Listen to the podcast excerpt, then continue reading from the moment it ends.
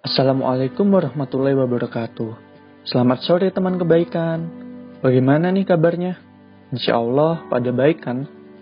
Seperti yang sudah dijadwalkan, sore ini giliran saya yang memberikan kultum sembari menunggu kita waktu berbuka.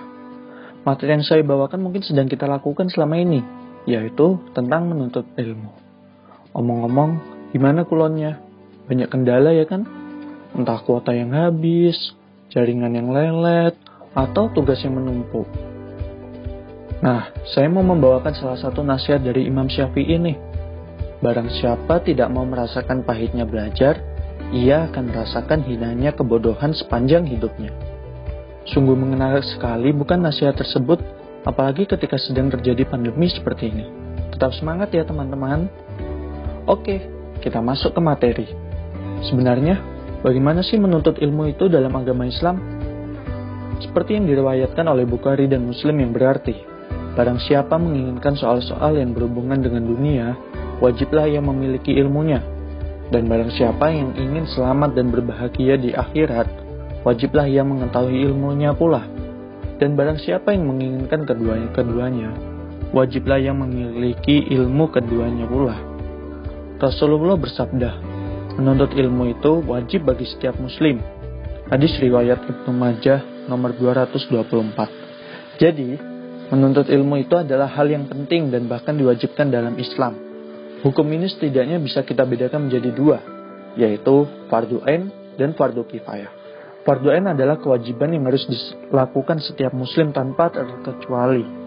Ilmu-ilmu yang wajib dipelajari yaitu ilmu-ilmu yang berkaitan dengan agama, seperti cara beribadah, larangan-larangan, perintah, dan sebagainya. Kalau fardu kifayah itu kewajiban yang jika seseorang sudah melakukan, maka yang lain menjadi sunnah hukumnya. Kewajiban menuntut ilmu ini berkaitan dengan dunia yang membawa manfaat pada sesama, seperti belajar menjadi dokter, polisi, tentara, ilmuwan, dan sebagainya. Manfaat apa lagi sih yang kita semua dapatkan ketika menuntut ilmu? Yang pertama, derajatnya akan ditinggikan. Allah berfirman dalam surat Al-Mujadalah ayat 11 yang artinya, Allah akan meninggikan orang-orang yang beriman di antaramu dan orang-orang yang diberi ilmu pengetahuan beberapa derajat. Suatu yang luar biasa bukan? Dengan menuntut ilmu, derajat kita bisa ditinggikan oleh Allah Subhanahu wa taala. Yang kedua, orang berilmu akan diberi kebaikan dunia dan akhirat. Hal ini dijelaskan dalam surat Al-Baqarah ayat 269. Allah menganugerahkan al-hikmah, kefahaman yang dalam tentang Al-Quran dan as-sunnah kepada siapa yang dikehendakinya. Dan barang siapa yang dianugerahi hikmah, ia benar-benar telah dianugerahi karunia yang banyak.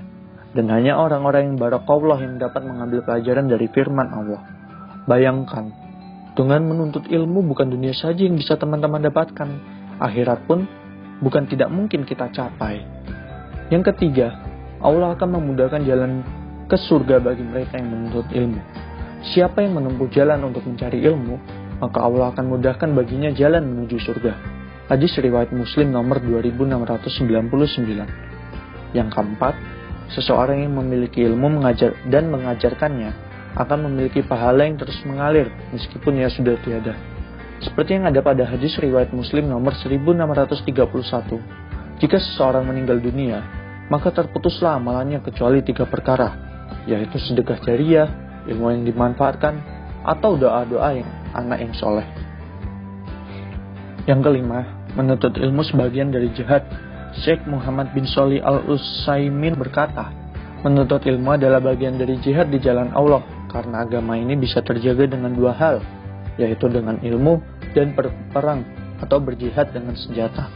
Bahkan sebagian ulama berkata, sesungguhnya menuntut ilmu lebih utama dibandingkan berjihad dengan pedang.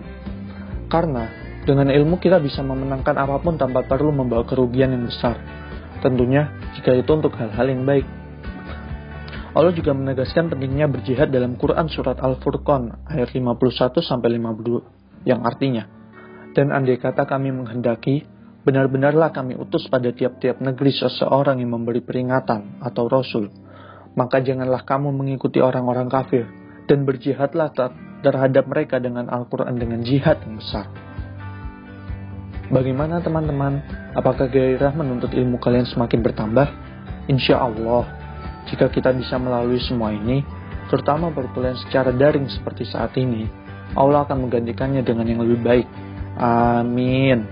Sekian kultum yang saya berikan, semoga dapat menambah wawasan kita semua. Wassalamualaikum warahmatullahi wabarakatuh.